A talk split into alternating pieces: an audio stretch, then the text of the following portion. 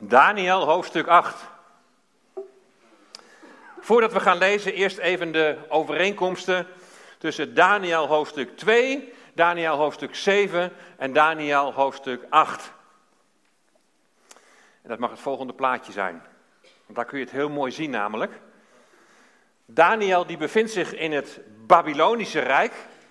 En het rijk is ongeveer van 625 tot 539 voor Christus. En hij krijgt dan via de droom van Nebukadnezar over dat beeld, wat je daar links ziet staan, in hoofdstuk 2, en een eigen visioen over vier dieren, in het midden, hoofdstuk 7, krijgt hij al te zien welke rijken daarna zullen volgen. Dus na het Babylonische Rijk. Dan krijg je het Medo-Persische Rijk, de jaartallen staan erbij, het Griekse Rijk, het Romeinse Rijk. En dat gaat tot 476 na Christus. Al, al die andere jaartallen is voor. En dan volgt ook nog in de toekomst een rijk van de antichrist. En uiteindelijk het Messiaanse rijk, het vrederijk. Nou, hoofdstuk 8 gaan we lezen. En hoofdstuk 8 gaat over het Medo-Persische rijk. Die wordt gesymboliseerd door een ram. Dat kun je ook op het plaatje zien, daarbovenaan. En dan gaat het ook over het Griekse rijk. Dat is de geitenbok. Die zie je daar als tweede staan het tweede en het derde rijk. Daar gaat hoofdstuk 8 dus over. Of gaat het ook nog over de daarna volgende rijken? Dat is de vraag. Ik ga met jullie lezen. En ik heb in de schriftlezing al van alles toegevoegd, zodat het ook wat makkelijker, denk ik, te lezen is en te begrijpen is waar het precies over gaat. In het derde jaar, dat is 548 voor Christus, van de regering van koning Belsazar, en die is koning van Babel, verscheen mij een visioen te weten aan mij, Daniel, na het visioen dat mij eerst verschenen was. Dat was hoofdstuk 7, die vier dieren. En ik zag in dat visioen, en het gebeurde namelijk toen ik het zag, dat ik in de burcht Suzan was, die zich in het gewest Elam bevindt. Ik zag nu in dat visioen dat ik bij het Ulai-kanaal was. En ik sloeg mijn ogen op en ik zag en zie, er stond een ram, het Medo-Persische Rijk. Dat, die ram stond voor het kanaal. Hij had twee horens, Medië en Perzië. En die twee horens waren hoog, maar de ene was hoger, Perzië, dan de andere, Medië. En de hoogste, Perzië, die kwam het laatste tevoorschijn. En ik zag dat de ram met de horens naar het westen, Syrië en Israël stoten, naar het noorden, Klein-Azië en Turkije, wat nu Turkije is, en naar het zuiden, Egypte. En geen enkel dier kon tegen hem stand houden en er was niemand die uit zijn macht kon redden. En hij deed naar eigen goeddunken en maakte zich groot. Ik bleef opletten en zie, er kwam een geitenbok. En Griekenland kwam eraan, vanuit het westen, over heel het aardoppervlak, zonder de aarde aan te raken. Maar zij waren op, op zee waren ze zeer machtig. En de bok had tussen zijn ogen een opvallende hoorn. Dat is Alexander de Grote van het Griekse Rijk.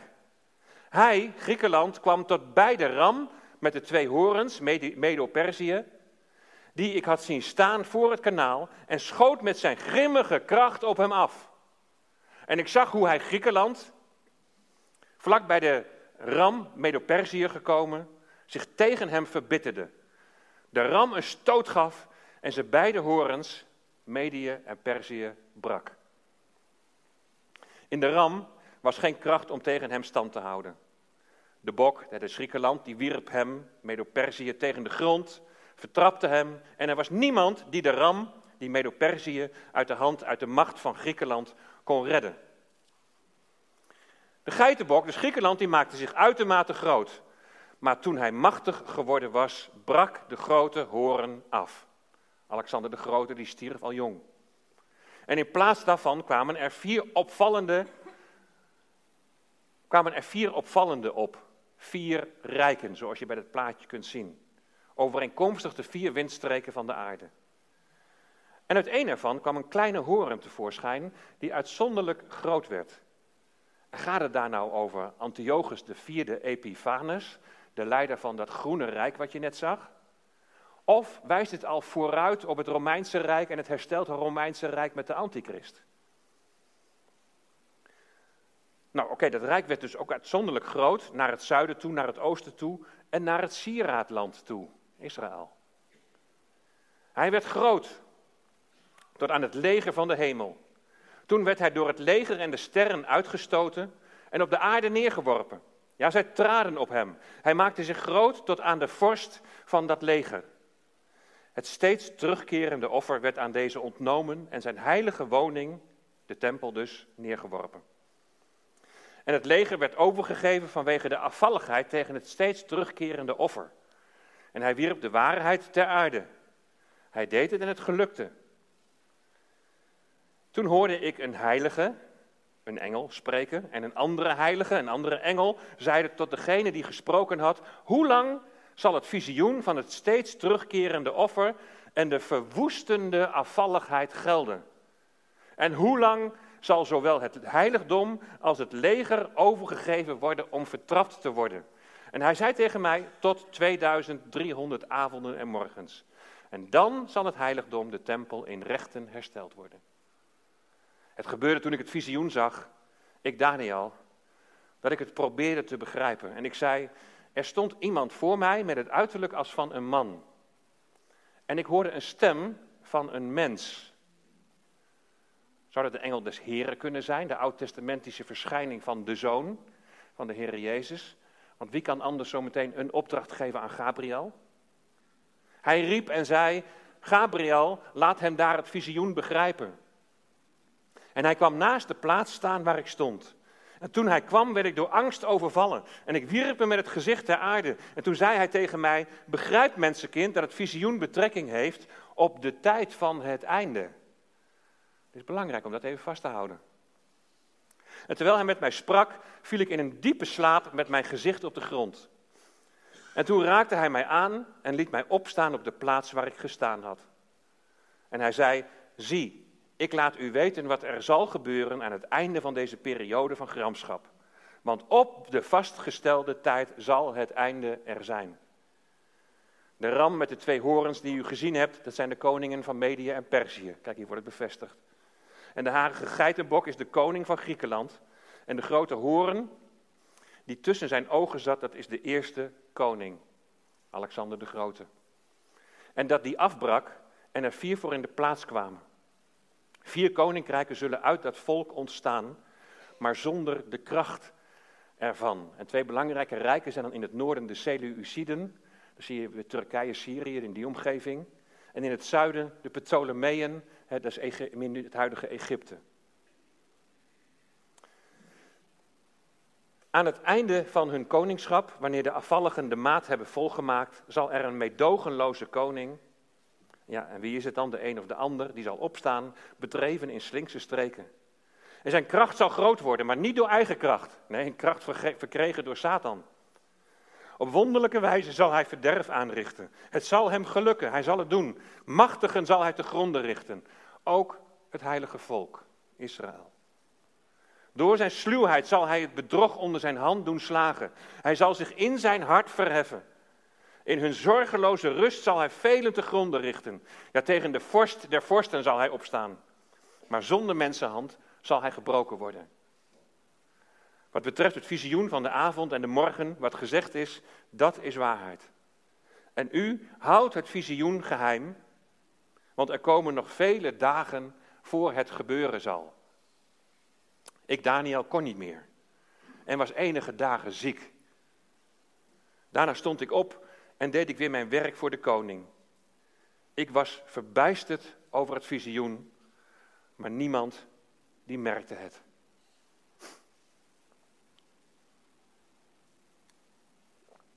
Niet het makkelijkste Bijbelgedeelte. Stel je eens voor, je hebt een visioen van God gehad. En je wist al dat Rusland zou binnenvallen in de Oekraïne. En in het visioen heeft God ook laten zien dat deze oorlog weer eindigt. Maar dat niet alleen, hij liet je meer zien. Hij laat je ook in het visioen zien hoe daarna de macht in de wereld verschuift. Je ziet een hele andere wereld wat die verschuiving van machten betreft. Niets is meer hetzelfde. De macht van de Verenigde Staten is afgenomen. Dreiging van een groot leger uit het oosten, China. Rusland, Turkije en Iran die een pact met elkaar hebben gesloten. Een Europees leger. Een Europees ideebewijs. Steeds minder vrijheid binnen de Europese Unie. We moeten allemaal woke zijn. Je moet denken zoals je wordt opgelegd. Vrijheid van meningsuiting wordt steeds meer, meer beperkt. En uiteindelijk zal een vreselijke koning het roer overnemen. Nou ja, eigenlijk heb ik daar geen visioen voor nodig. Want de Bijbel, de Bijbel zegt daar het nodige over. Maar je krijgt in het visioen ook nog een berekening aangereikt. En door die rekensom weet je precies wanneer de Messias komt. Nou, dat zou je leven toch op zijn kop zetten als je zo'n visioen zou hebben gehad of zo'n visioen krijgt. Maar dit is zo ongeveer wat Daniel overkomt. Hij staat nog met zijn beide benen staat hij in dat Babylonische rijk. Hij is er al heel wat jaren sinds zijn wegvoering uit Jeruzalem. En hij heeft, zoals we dat dan noemen, best wel carrière daar gemaakt. Maar dit visioen zet alles op zijn kop. Het Babylonische rijk, het zo machtige Babylonische rijk, zal niet voortbestaan. Er zal oorlog komen. En dat ging er doorgaans nogal vreed aan toe. Je leven staat op het spel. Gaat het wel goed? Ze zullen worden overmeesterd door het Medo-Persische Rijk. Het rijk waar de ram beeld voor staat. Een ram met twee horens. En die twee horens waren hoog en de een was hoger dan de andere. En de hoogste kwam als laatste tevoorschijn. Het rijk van de Meden en de Perzen. En de Perzen die kwamen als laatste tevoorschijn, maar ze waren veel krachtiger en machtiger dan Medië. Maar ze werden samengevoegd door het Medo-Persische Rijk. En de ram, die is op ramkoers. Oorlog, dood, verderf, verdriet. Daniel krijgt meer te zien in het visioen. Een voortdurende verschuiving van machten. Want ook het Medo-Persische Rijk zal niet stand houden. De Meden en de Persen zullen het onderspit delven tegen het Griekse Rijk, hier gesymboliseerd door een geitenbok. En hier zie je even op een plaatje dat immense grote Griekse Rijk. Er stond niet bij wie dat is, maar ik kan me er wel iets bij voorstellen, Alexander de Grote wellicht. Maar dat is het immense Griekse Rijk. De geitenbok maakte zich uitermate groot. Maar toen hij machtig geworden was, brak de grote horen af. En in plaats daarvan kwamen er vier opvallende op, overeenkomstig de vier windstreken van de aarde. En ik zei al, die grote horen is Alexander de Grote. En onder zijn leiding groeide het Griekse Rijk heel snel en werd heel snel zeer groot. Maar hij stierf al jong. En nadat hij gestorven is, breekt er een hele onrustige tijd aan. Is het eigenlijk niet duidelijk wie nou eigenlijk de touwtjes in handen heeft, wie de macht heeft. Maar dan wordt het rijk dus in vieren gedeeld, zoals we hier ook hebben gelezen. En zoals je hier ook kunt zien. Er kwamen vier horens op. En een horen is een teken van macht. Vier nieuwe machthebbers. tijdens de studieavond zal ik wel verder uit gaan leggen van wie dat allemaal zijn. En hoe zit het dan met die berekening, dat je weet wanneer de Messias komt? Nou, dan gaan we volgende keer in hoofdstuk 9 gaan we daarbij stilstaan. Wat een bijzonder visioen. Een groot deel van de wereldgeschiedenis gaat aan Daniel als, als, aan, als, een, als een soort van science fiction film, gaat het aan hem voorbij. Dat is wonderlijk, hè? wij kijken terug. En wij kunnen dan bevestigen, ja, het klopt inderdaad. Het is precies zo gegaan zoals daar staat beschreven en zoals aan Daniel in dit visioen is voorzegd. Maar Daniel die staat aan de andere kant. Een visioen van God die van eeuwigheid tot eeuwigheid is. Hij die de toekomst overziet. Hij overziet wat er nog te gebeuren staat. En hij deelt dat met Daniel. En hij deelt dat nu dus ook met ons. Waarom krijgt Daniel dit visioen? Waarom moet hij dit allemaal weten en opschrijven? Het zal voor hem toch niet alleen maar een leuk weetje zijn geweest? Ja, zo leuk was het allemaal niet. Daniel die is er ziek van. Daniel die is compleet verbijsterd. Hij weet niet wat hem overkomt. En waarom nemen wij nu in 2023 hier kennis van? Waarom is het voor ons nou zo belangrijk wat hier allemaal geschreven staat? Het zal toch niet alleen maar een leuk weetje zijn, of alleen maar een bevestiging achteraf? Maar laat, laat me je een paar redenen geven. Ten eerste, wij kunnen achterom kijken en we kunnen in verwondering staan dat alles precies zo is gebeurd als hier staat beschreven. Dat geeft voor ons iets aan van de grootheid van God. En ook dat Hij alles overziet. Dat geeft ook vertrouwen dat de profetieën die nog niet in vervulling zijn gegaan, en dat geldt ook voor het boek Daniel, want nog niet alles is in vervulling gegaan, maar dat alles heel nauwkeurig in vervulling zal gaan zoals beschreven is. En dan gaat het er volgens mij niet om dat wij nu aan de voorkant exact precies alle details van die profetieën begrijpen, maar dat je op het moment dat het nodig is, dat je zult herkennen in welke tijd je leeft. Tegen de tijd van het einde zal de kennis toenemen, staat in Daniel 12, vers 4. God geeft openbaring op het moment dat wij de openbaring nodig hebben. Voor een andere reden waarom de visioenen in Daniel zo belangrijk zijn, niet alleen voor Daniel, maar ook voor jou en mij, dan moet ik je even herinneren aan waar het ten diepste in dit Bijbelboek om gaat. En we zien ontwikkelingen wat het koninkrijk van mensen betreft, wat het, wat, wat het koninkrijk Israël betreft, wat het volk van God betreft. En wat overduidelijk wordt is dat in dit Bijbelboek is dat God alles in zijn hand heeft. Dat hij alles bestuurt en dat hij alles overziet. En de bedoeling van het woord van God is dat wij Hem beter leren kennen. En dat wij leren Hem te begrijpen. Dat wij leren om op Hem te vertrouwen. Nou, op iemand die alles overziet, wil ik wel vertrouwen. Jij niet? Jan wel. En de derde reden dat ik het belangrijk vind om de Bijbel en in dit geval ook Daniel te lezen en te bestuderen, is dat je gaat zien dat God een plan heeft. Je gaat meer en meer zien dat God deze schepping tot zijn bestemming gaat brengen. Hij wil deze schepping wil hij herstellen. En in dat licht krijg je leven in het hier en nu krijgt perspectief. God werkt ergens naartoe. En een hele belangrijke halte naar die herstelde schepping, naar die nieuwe hemel en die nieuwe aarde, is het Messiaanse Rijk, is het vrederijk dat zal gaan komen. Dat gaat niet zonder slag of stoot, maar het komt uiteindelijk allemaal goed. In de struggles van het leven, en wat kunnen er een struggles zijn? Wat kan het soms moeilijk en zwaar zijn? Van dingen die je allemaal krijgt te verwerken. Denk nu aan het afscheid van Thea. Wat het met Gerlof doet en met de kinderen. Het is een loslaten. En... Maar in de struggles van het leven is het toch zo belangrijk dat je weet dat er een happy end zal zijn. Dat het uiteindelijk allemaal goed gaat komen. Dit is een boodschap die we van God ontvangen. Zijn plan. We ontvangen het van God. We delen het met elkaar. Boven, binnen.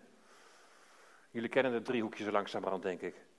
Maar dit is ook een boodschap die wij in de wereld mogen verkondigen. En de verkondiging is dat niet de mens bepaalt. Dat de mens de wereld niet naar zijn hand kan zetten. Hij kan oorlogen voeren, gebieden veroveren, mensen uitmoorden, maar het zal nooit duurzaam zijn. Er komt altijd een einde aan. En dan zullen zij die dit hebben veroorzaakt, die zullen zich moeten verantwoorden voor de Allerhoogste. En dat is de waarschuwing voor een mens die een oorlog ontketent. En het is een bemoediging voor de mensen die eronder lijden. Er komt een einde aan en er zal gerechtigheid zijn. Het Babylonische Rijk, het Medo-Persische Rijk, het Griekse Rijk, niets houdt stand. God stelt koningen aan en hij zet koningen af. En de engel Gabriel die gaat Daniel het visioen uitleggen. Hij kwam naast de plaats staan waar ik stond. En toen ik kwam werd ik door angst overvallen. En ik wierp me met het gezicht ter aarde. En toen zei hij tegen mij, begrijp mensenkind, dat het visioen betrekking heeft op de tijd van het einde. Het visioen heeft betrekking op de tijd van het einde. Dus het visioen reikt nog veel verder dan het toenmalige Griekse Rijk. En waar grote discussie over is en meningsverschillen over zijn, is is die vraag van wie is nou eigenlijk die kleine horen? Is dat Antiochus, de vierde Epiphanes? Die leider werd van een van die vier rijken die uit het Griekse rijk voortkwamen. Het rijk van de Seleuciden, dat groene rijk. Dat groene rijk in het noorden. Of is de kleine horen het Romeinse rijk, dat zo klein begon. Kijk maar naar dat bruine stukje. Zo is het begonnen. En dan zie je in de kleuren hoe het in de jaren is uitgebreid. Maar het begon heel klein. Het Seleucidische rijk begon niet echt heel klein, dat was al heel groot. Maar dit begint dus heel klein. het rijk, het Romeinse rijk en dan het toekomende herstelde Romeinse rijk waar de antichrist uit voort zal komen. Is het het een of is het het ander? Nou, tijdens de studieavond zal ik daar gedetailleerd op ingaan. Maar of het nu om die Antiochus gaat, of het gaat om de antichrist, ze hebben allebei hebben ze hetzelfde mikpunt. En dat mikpunt is Jeruzalem. Beide maken ze het leven van de Joden zuur om zo macht en invloed te krijgen en te hebben in Jeruzalem. Tussen die Seleuciden, dat groene rijk bovenaan, en Ptolemeën onderaan, zijn vijf oorlogen geweest. En toen Antiochus op een gegeven moment Egypte versloeg, dus in het zuiden, toen moest hij Egypte direct weer afstaan aan Rome dat in opkomst was. En hij was zo gefrustreerd, hij ging terug, weer, weg, weer terug naar het noorden. En waar kom je dan langs? Ja, dan kom je langs Jeruzalem. En daar heeft hij al zijn frustraties botgevierd. Het is zo ongeveer 169 voor Christus. En hij heeft op een gruwelijke manier heeft hij vele Joden omgebracht. Antiochus die heeft op een verschrikkelijke wijze de tempel ontwijd. Hij liet een beeld van Zeus oprichten. En o wee als je daar niet voor boog. Hij liet varkens, onreine dieren liet hij offeren. Ze mochten hun jongetjes niet meer laten besnijden. Deden ze dat toch, dan werden ze, met, dan werden ze op een vreselijke manier gedood. Vrouwen werden van de muur gegooid. Antiochus, die wilde als eerste machthebber, wilde hij het religieuze systeem in Israël omverwerpen. Mensen die de regels overtraden werden om het leven gebracht. De jodenhaat, het antisemitisme stamt al van heel lang geleden. En steeds weer komen we uit bij Jeruzalem. Niet verwonderlijk, het is de stad van God. Het is de stad waar straks de Messias zal regeren. Veel in dit hoofdstuk lijkt in de eerste, op het eerste gezicht naar Antiochus te wijzen, de medogenloze koning. Maar het visioen gaat over de tijd van het einde. Ook wat voor ons nog in de toekomst ligt. De tijd dat een andere medogenloze koning zal heersen. Gedurende een tijd van grote verdrukking zal hij over deze aarde heersen. En ook dan is Jeruzalem is het mikpunt. Wat je ook ziet in dit hoofdstuk is dat er sprake is van een geestelijke strijd, een kosmische strijd. De kleine horen die het gevecht met het hemelse leger aangaat. De kleine horen die zich verzet tegen God. Ja, als jij het Joodse volk aanvalt, dan val je hem aan. Als je het Joodse volk aanvalt, en dat deed Antiochus en dat zal de Antichrist doen, dan val je Gods volk aan, zijn oogappel. En soldaten die strijden met elkaar, Seleuciden tegen de Joden, Russen tegen de Oekraïners. Maar achter die, achter die strijd schuilt een strijd van geestelijke machten. Geestelijke machten in de hemelse gewesten. Satan strijdt tegen God. Demonen roeren zich. Machtsverhoudingen in de wereld verschuiven steeds weer. Maar uiteindelijk draait het allemaal om Jeruzalem, omdat daar de troon zal staan. Het is het gevecht om de troon. Om wie zal regeren over deze aarde? Antiochus heerste in de tempel. De antichrist zal zich in de tempel laten aanbidden. De tempel wordt aangevallen. Maar uiteindelijk is de troon voor de Messias.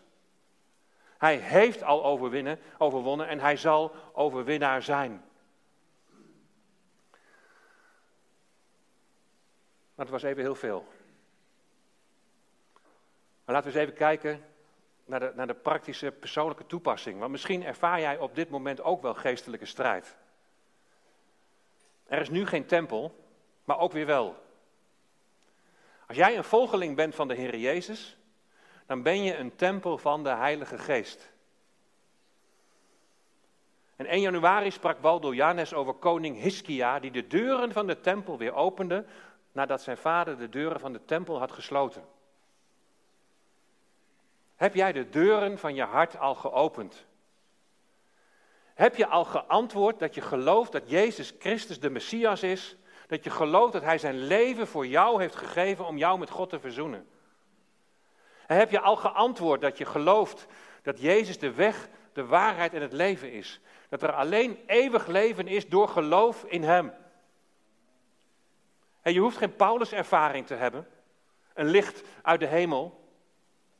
Je mag het gelovig aanvaarden dat je redding en verlossing nodig hebt.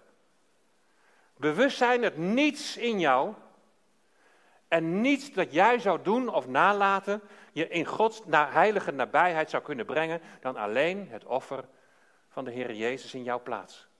Hij die al jouw zonden vergeeft en zo de relatie met God de Vader weer herstelt. Dan, op dat moment, als je dit gelovig hebt aanvaard en dan ben je een tempel van de Heilige Geest. Dan is de belofte dat Gods Geest in jou komt wonen.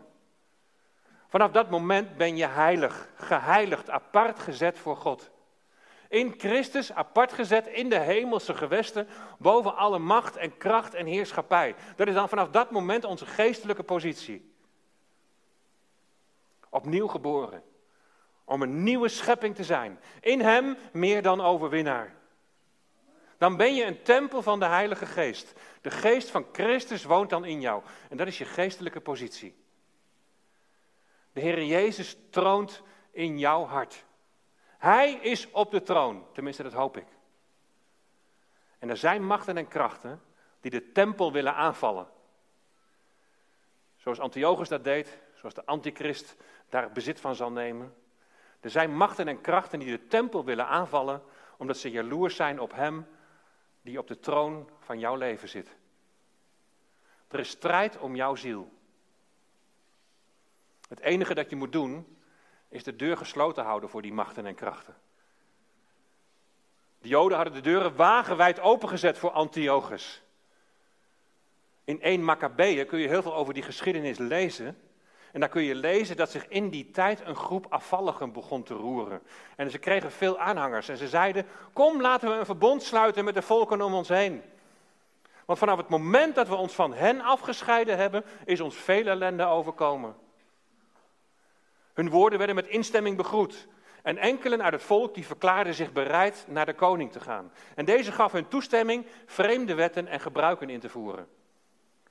Ze lieten zich weer een voorhuid maken. Ze braken met het heilige verbond, vermengden zich met de heidenen en gaven zich over aan kwalijke praktijken. Ja, zo zet je de deur wagenwijd open. In de marge, daar speelt God misschien nog een rol in je leven, maar je verkoopt je ziel aan de wereld. En het wordt een kwalijke vermenging. Hiskia opende de deuren, maar om een hele andere reden. Hij opende de deuren opdat zo God weer konden aanbidden. En vervolgens gaf hij de Levieten een tweeledige opdracht. Hij zei, heilig nu uzelf en heilig het huis van de Heer. 1 januari, 2 Kronieken 29. Heel goed om misschien nog eens na te luisteren als je het niet hebt gehoord. Heilig nu uzelf en heilig het huis van de Heer. Hiskia roept op om een heilig leven te leiden. En daar gaat het over onze wandel. Heilig nu uzelf. Heiliging, dat betekent dat je je toewijdt aan God en dat je alle onreinheid buiten de deur wilt houden. In navolging van de Levieten moest alle onreinheid buiten het heiligdom worden gebracht. Alles wat niet naar Gods wil is, moet worden beleden en moet worden nagelaten. Nou, om de wereld om je heen is één en al onreinheid. En je kunt het niet altijd ontwijken, je wordt ermee geconfronteerd. Er is zoveel wat tegen Gods wil ingaat. Er is zo'n contrast tussen de principes van Gods koninkrijk en de principes van deze wereld. En dat contrast dat wordt alleen maar groter en groter. De tempel wordt aangevallen. Jij als gelovige, wij als gemeente worden aangevallen. We zijn under attack, zoals we dat dan zeggen. En de verleidingen zijn groot. En hoe ga je daarmee om? De deur gesloten houden voor machten en krachten die Jezus van de troon willen stoten in jouw leven. Dan kun je gaan strijden tegen die krachten en die machten. Je kunt met alles wat in je is je best doen om verleidingen te weerstaan. Maar die strijd die ga je vanuit jezelf niet winnen. Je gaat het onderspit delven, want de kracht van de boze moet je niet onderschatten. De deur dicht houden betekent dat je aan de voeten gaat zitten van Hem die op de troon zit. Alle aandacht gaat uit naar Hem. Hij die zijn leven voor jou gaf. Alle aandacht gaat uit naar Hem die voor jou zijn leven heeft gegeven. Als alle aandacht uitgaat naar schermpjes die je qua tijd helemaal in beslag kunnen nemen. En wat kan het ons in beslag nemen? Ik zou eigenlijk wel van het ding af willen. Maar het kan bijna niet meer. En waar de verleiding ook nog eens groot is om op te zoeken wat onrein is, dan zet je de deur wagenwijd open voor machten en krachten die jouw geestelijke leven willen vernielen. Heilig nu uzelf. Wijd je aan God toe. Geef Hem alle aandacht. Lees dagelijks je Bijbel, omdat je daar leest wie God is. En zo krijgt Hij de kans om tot je te, tot je te spreken, je te bemoedigen. Ook zijn weg te laten zien. Neem dagelijks tijd voor gebed. En al deze dingen, dat is je beste bescherming. De tempel wordt aangevallen, wij worden aangevallen en de verleidingen zijn zo groot. We worden verleid om, net als het Joodse volk destijds, om verbonden te sluiten met deze wereld. Weet je, ons denken wordt zo gemanipuleerd dat het gevaar bestaat dat we Gods woord gaan aanpassen naar de denkbeelden van deze wereld. Onze jongeren die worden op veel scholen geconfronteerd met onderwijs over relaties en seksualiteit die haak staat op wat de Bijbel zegt. Er wordt een genderideologie uitgerold die verwarring brengt over identiteit. Met alle gevolgen van dien, zeer ernstige gevolgen. En de hulpverlening kan het niet eens aan. Heteroseksualiteit komt steeds meer in het hoekje van een optie dan dat het de norm is. En ik ontken helemaal niet dat er mensen zijn die oprecht, om wat voor reden dan ook, worstelen met hun geslacht of met seksuele gevoelens. En het vraagt ook heel veel wijsheid om daar op een goede manier en op een respectvolle manier mee om te gaan. Maar in die gesprekken daarover en discussies daarover is de eerste vraag voor deze mensen die daarmee worstelen, maar ook de eerste vraag voor ons allemaal: op welke plaats staat de Heere God in jouw leven? Zit Hij op de troon? Mag Hij iets vinden van jouw leven? Mag Hij iets vinden van de keuzes die jij maakt? Welk gezag ken jij toe aan de Bijbel? Je bent zelf individueel als gelovige een tempel van de Heilige Geest. Maar ook als gemeente gezamenlijk zijn we een tempel van de Heilige Geest. Heilig nu uzelf en Heilig het huis van de Heer. Niet alleen jij, maar ook wij zijn een tempel en worden aangevallen. Ook wij gezamenlijk hebben maar één opdracht om heel dicht bij de Heer te leven. Op Hem te zien. Alle aandacht aan Hem te geven. Op te zien naar Hem. En zijn woord serieus te nemen. Ook wij samen moeten de deuren gesloten houden voor machten en krachten die de boel willen ontwrichten. Dat betekent, heel praktisch, dat je ook elkaar gewoon aanspreekt op wat niet naar Gods wil is. De Bijbel die leert ons dat. Het contrast tussen de principes van Gods koninkrijk en de principes van het koninkrijk van deze wereld zijn groot. En het contrast wordt steeds groter. Ja, maar Jezus zegt toch dat je niet mag oordelen? Dan ga dan nog eens goed nalezen in welke context dat staat. Nee, je mag niet zo hypocriet oordelen als de fariseeën. Dat is wat Jezus zegt. Zie daarbij toe op jezelf. Het heilig nu uzelf, dat komt op de eerste plaats. Maar in 1 Korinthe 5 staat dat we elkaar wel degelijk moeten oordelen. Als er sprake is van iemand die een ontuchtpleger is, nou, daar kunnen we misschien nog wel mee uit de voeten. Maar ook een hebzuchtige, een afgodendienaar, een lasteraar, iemand die kwaad spreekt over iemand anders. Een dronkaard of iemand die steelt. In 2 Thessalonicense 3 vers 6 dat je, staat dat je afstand moet nemen van iemand die ongeregeld wandelt. Elders moet je weer iemand aanspreken die tweedracht zaait. Een gemeente, een tempel van de Heilige Geest, is niet een vrijblijvende club van gelovige mensen. Dat is een gemeenschap van mensen die God op de eerste plaats zetten en het verlangen hebben om zijn wil te doen. En als je dan in liefde, ziende op jezelf, die ander ziende op zichzelf, als je dan in liefde wordt geconfronteerd en wordt gecorrigeerd, dan ben je dankbaar. Want jij wilt toch ook de wil van God doen? Jij wilt hem toch niet bedroeven? Jij wilt toch op zijn weg wandelen? Het corrigeren is niet, niet gericht op het uitdelen van straf, maar om iemand weer bij God te trekken. Het begint bij jezelf. Heilig nu uzelf. Als dat niet het uitgangspunt is en het verlangen is, hoe zul je dan anderen aanspreken? Heiliging kun je niet zelf. Heiliging, verandering naar het beeld van de Heer Jezus, is het werk van de Heilige Geest in jou. En ruim daarom op wat de Heilige Geest bedroeft. Opdat Hij jou ten volle vervult en zal leiden aan de voeten van de Heer Jezus, want daar moeten we zijn.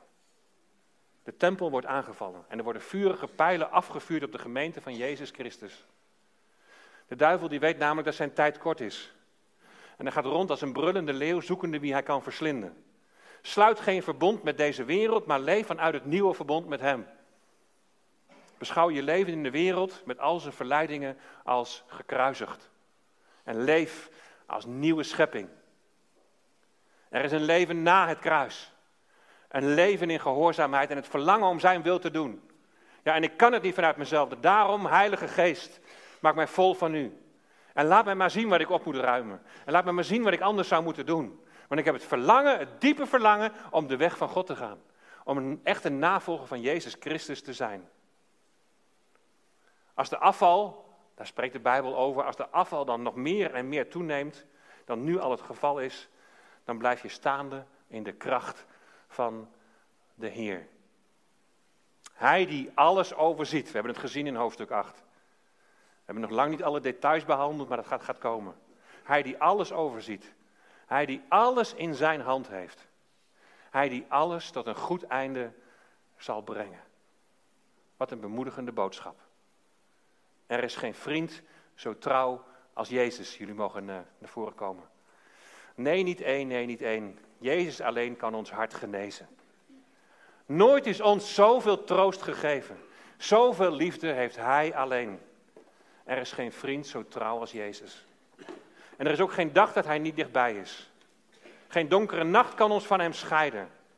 Jezus kent onze strijd en zorgen, leidt ons steeds door de dalen heen. Er is geen dag dat Hij niet dichtbij is. Hij is dichtbij, maar leef ook dicht bij Hem. Nooit is een zondaar vergeefs gekomen. Niet één. Elk die gelooft, heeft Hij aangenomen. Hij alleen. Amen.